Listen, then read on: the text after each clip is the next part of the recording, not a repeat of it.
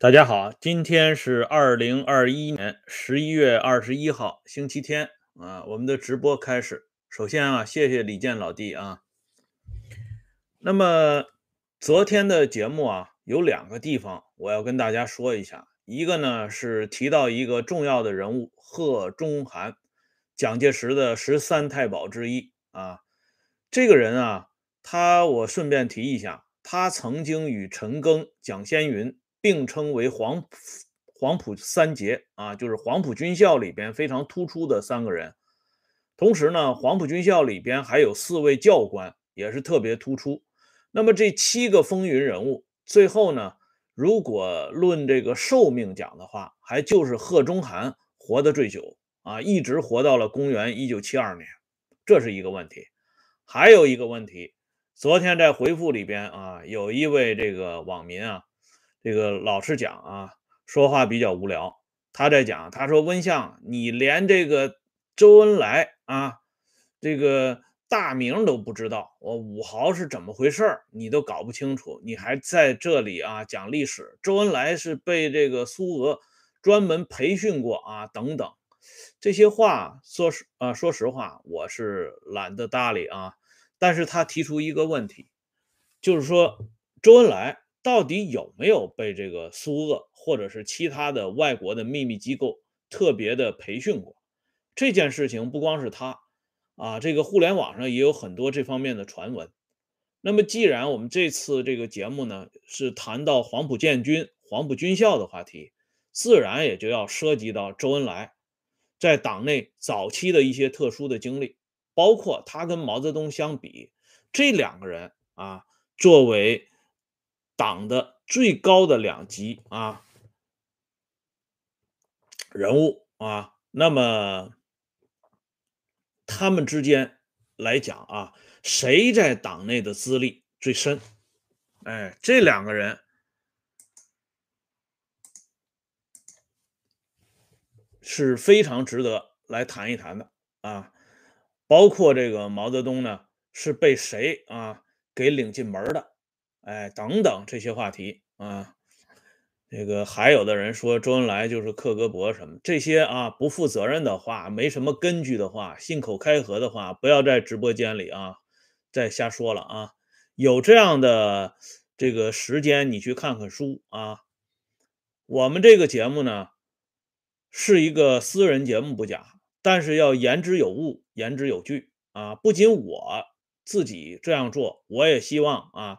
收看和收听的网友们也要这样做，否则的话就没有意思了啊！这就跟这个白开水聊大天跟茶馆没什么区别了啊！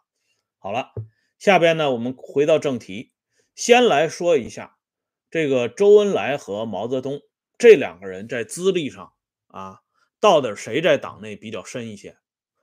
具体来讲，如果以参加党的第一次全国代表大会。第二次全国代表大会和第三次全国代表大会作为评判标准的话，毛泽东的资历要比周恩来深得多啊！因为这毛泽东呢，人家不仅参参加过这个第一次党的全国代表大会和第三次党的全国代表大会，而且在党的第三次全国代表大会上，他成为啊陈独秀的。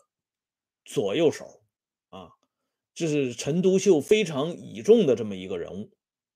同时呢，这里也要说一，呃，一段大家或许并不完全了解的事情，就是毛泽东是陈独秀手把手啊领进门的。哎，有一分证据说一分话，这句话我觉得是非常有道理的啊。那么现在呢，我们就根据这个公开的。呃，史料来讲一讲毛泽东与陈独秀之间的关系。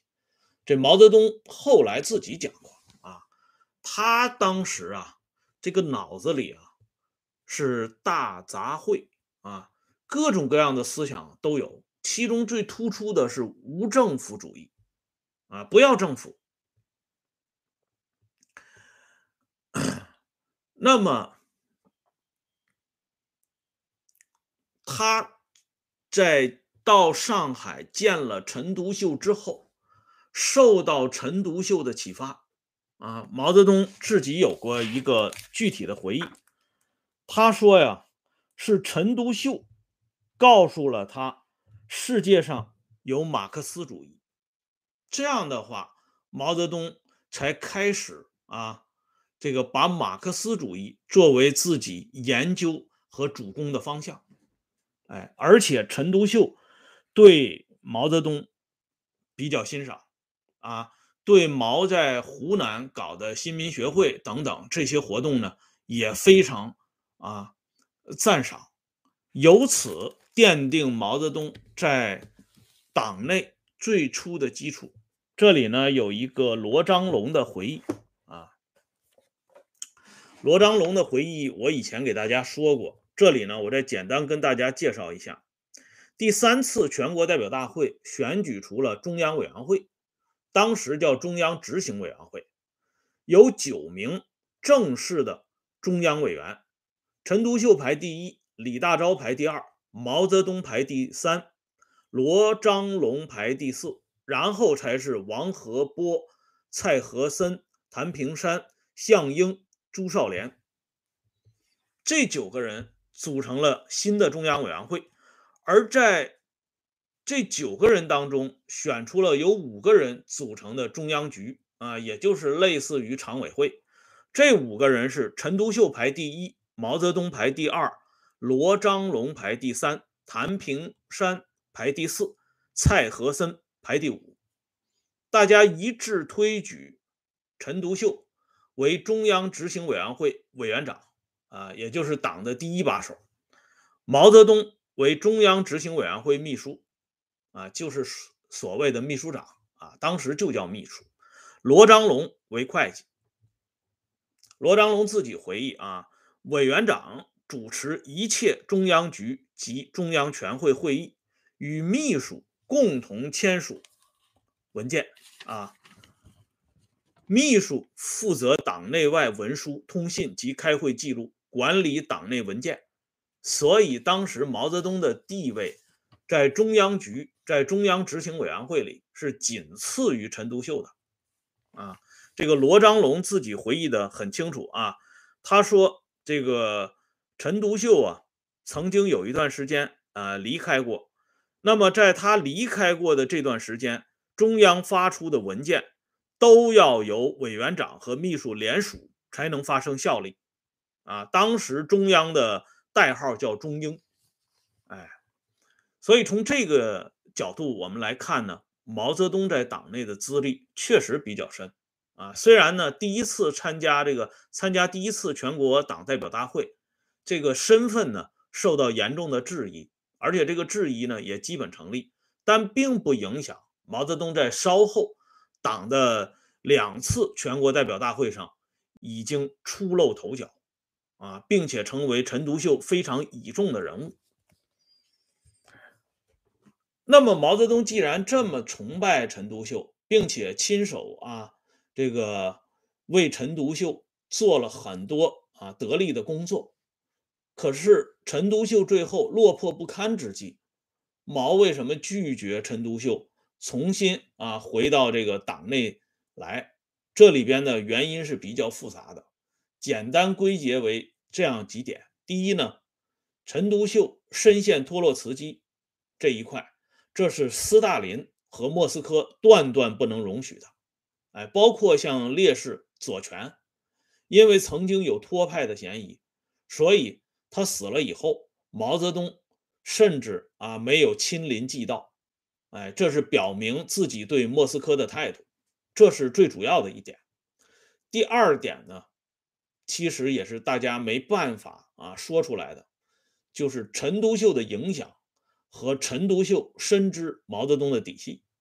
当时毛啊，虽然在党内呼声已经是最高，并且他的领袖地位呼之欲出，但毕竟那个时候是割据的局面啊，很多历史的问题是经不起推敲的。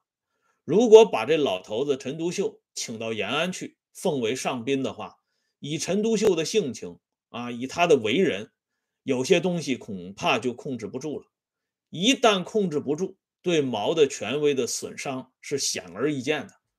所以这样的人是断断不会轻易被请回去的。不光是陈独秀包括这罗章龙啊，罗章龙其实是反对王明的，所以当时他另外啊搞了一摊人马。可是这个人一直到一九四九年之后，连王明都批臭的情况下，他仍然没有被平反。其根本原因也在于啊，他与毛泽东的渊源过深。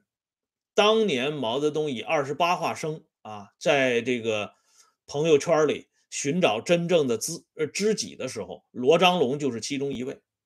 哎，所以这样的人物最好离老大还是远一点。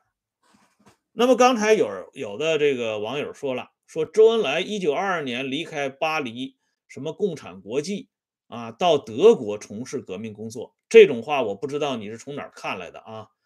所有公开记录周恩来这个早期革命记录的，包括这个周恩来年谱、周恩来传记啊，以及与周恩来相关的历史人物的中共党史人物传上，都看不到你刚才说的这句话啊。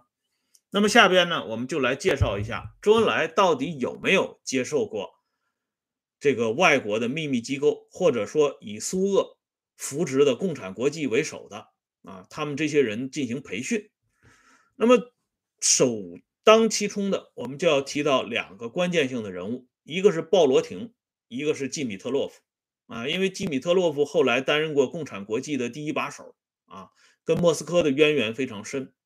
再一个呢。鲍罗廷曾经是这个国民政府的总顾问，并且孙中山在临去世之前，纯纯告诫宋庆龄、汪精卫等人啊，因为是正好在他身边负责这个写遗嘱的这些人，要以亚父的身份来对待鲍罗廷。这个亚父大家都知道，看过楚汉相争的历史啊，应该知道项羽。西楚霸王身边有这么一位重要的谋臣，他的名字叫范增啊。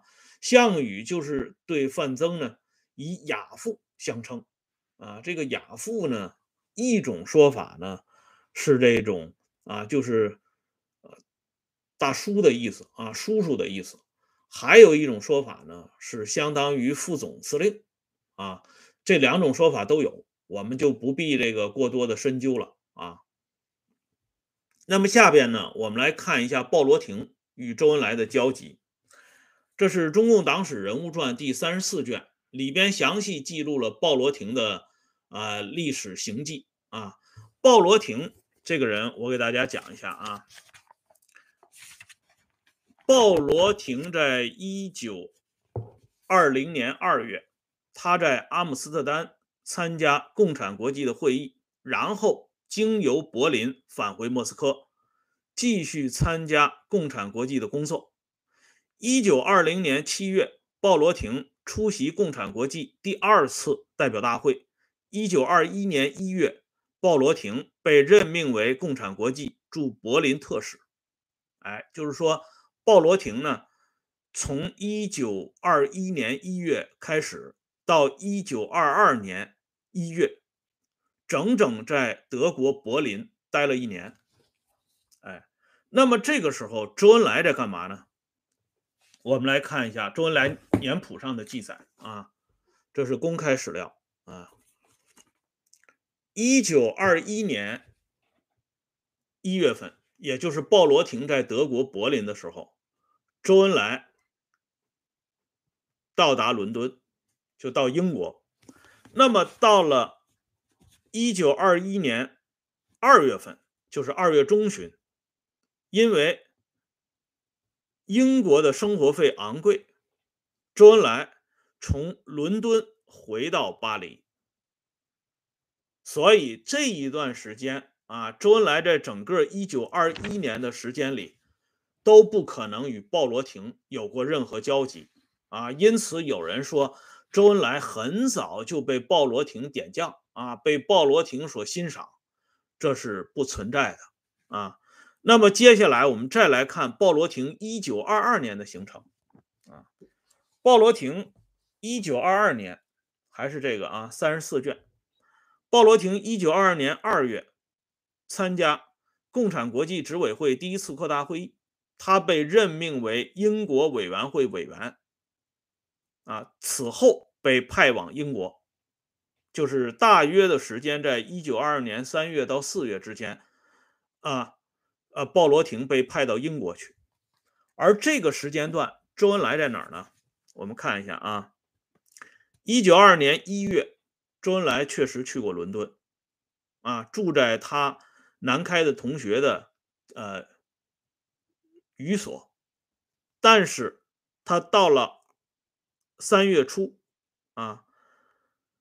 因为德国生活费用低廉，他又从巴黎迁到柏林，住在柏林郊区。哎，这是周恩来当时在一九二二年的行迹。而这个时候，鲍罗廷刚刚从莫斯科启程到英国。鲍罗廷到了英国之后，被英国当局抓捕归案，关了整整半年之后，驱逐出境。周恩来与鲍罗廷第一次见面是周恩来回到广州之后，啊，这个是不仅有公开的记载啊，也有一些半公开的史料作为佐证。因为一九五七年，周恩来在访问苏联期间，曾经专门去拜访鲍罗廷的遗孀，两个人之间曾经有过谈话，并且有过记录。周恩来重温他与鲍罗廷的革命友谊，就是周恩来啊当年回到广州之后发生的一系列事情啊。周恩来回到广州的时间是一九二四年九月，哎，所以从这方面呢，我们就可以看到，所谓周恩来在国外受到苏俄机关的秘密培训这种说法。仅仅是来自于互联网上的传说，没有第一手资料，也没有过硬的证据，不论是公开的还是不公开的，啊。那么有的人说无师自通啊，这个话呢，说实话，应该有一部分这方面的原因，但另外一方面不要忘了，周恩来在一九二四年九月份之后。与鲍罗廷的交集非常深厚，哎，他从啊苏俄那里学到了很多东西啊，但是这个时间要搞清楚，这是一九二四年九月份以后的事情，而且考察周恩来在整个啊巴黎、柏林、伦敦这三个地方的主要活动痕迹，他没有直接与啊。苏俄或者是其他共产国际成员有过任何实质性的交往，这一点不光周恩来自己说过，与周恩来在一起的李维汉等人也有过回忆，甚至周恩来的入党介绍人张申府都曾经回忆过，说当时我们在欧洲只有这么一个小组，孤立无援。啊，这是张申府晚年说的原话。所以从这些例子里边呢，我们就可以看到啊，凡是要谈到一个历史人物或者是一个政治人物的时候，一定要有根据啊，没有根据的话都是猜测啊。那么实际上，党的第一代领导集体，毛、周、刘、朱四个人，毛泽东、刘少奇、周恩来、朱德，这四个人当中，真正与苏俄。渊源最深的，恰恰是刘少奇啊！刘少奇不仅是苏俄培养的第一批骨干学生的首脑级人物，而且他本人对苏俄也是有非常深厚的感情啊！这方面的证据非常之多。由此呢，我们可以看一下有关刘少奇的一些情况。这是刘少奇的官方传记。啊，这里呢转引了一段话。一九六零年十二月七号，刘少奇在莫斯科各界为欢迎中国党政代表团举行的群众大会上的一个讲话。刘少奇当时啊是颇带感情的回顾了他当年来到苏联啊学习的经历。他说啊，为了学习十月革命的经验。一九二一年春，我和其他几十个青年团员第一次来到你们的国家，我们从上海到海参崴，经过赤塔到莫斯科，我们看到了，并且亲身经历了这些困难。我们当中的一些人的信心发生了动摇，但是我们另一部分人对社会主义的信心却因此而更加坚定了。这是刘少奇当时的一个重要演讲，而陈独秀。刚才我说过，陈独秀曾经有过一段啊比较短的时间内不在国内，他是平生唯一一次去了苏联，苏联去了莫斯科。他目的呢，当然是好几个目的，但其中有一个最重要的目的，就是为了带回一批骨干留学生，充实党的干部力量。他带回来的这批留学生里边。就有刘少奇、任弼时和萧劲光，哎，这样的话呢，就引出了另外一个关键性的话题：为什么毛泽东在组建三人团啊，就是一九四三年组建新的书记处的时候，选择刘少奇和任弼时作为自己的重要盟友啊？此外呢，还有一点就是萧劲光大将。当年啊，因为黎川失守，本来是应该被处决的，但是在最后关头却被博古、李德等人网开一面，留了一条活命。这个原因到底是在哪里啊？这个呢，我们稍后再讲。这里顺便要说一下啊，为什么讲啊？公开史料里边 会提供了很多这个啊有料的东西，我们就来看一下当年延安整风时期。毛泽东给周恩来扣的帽子。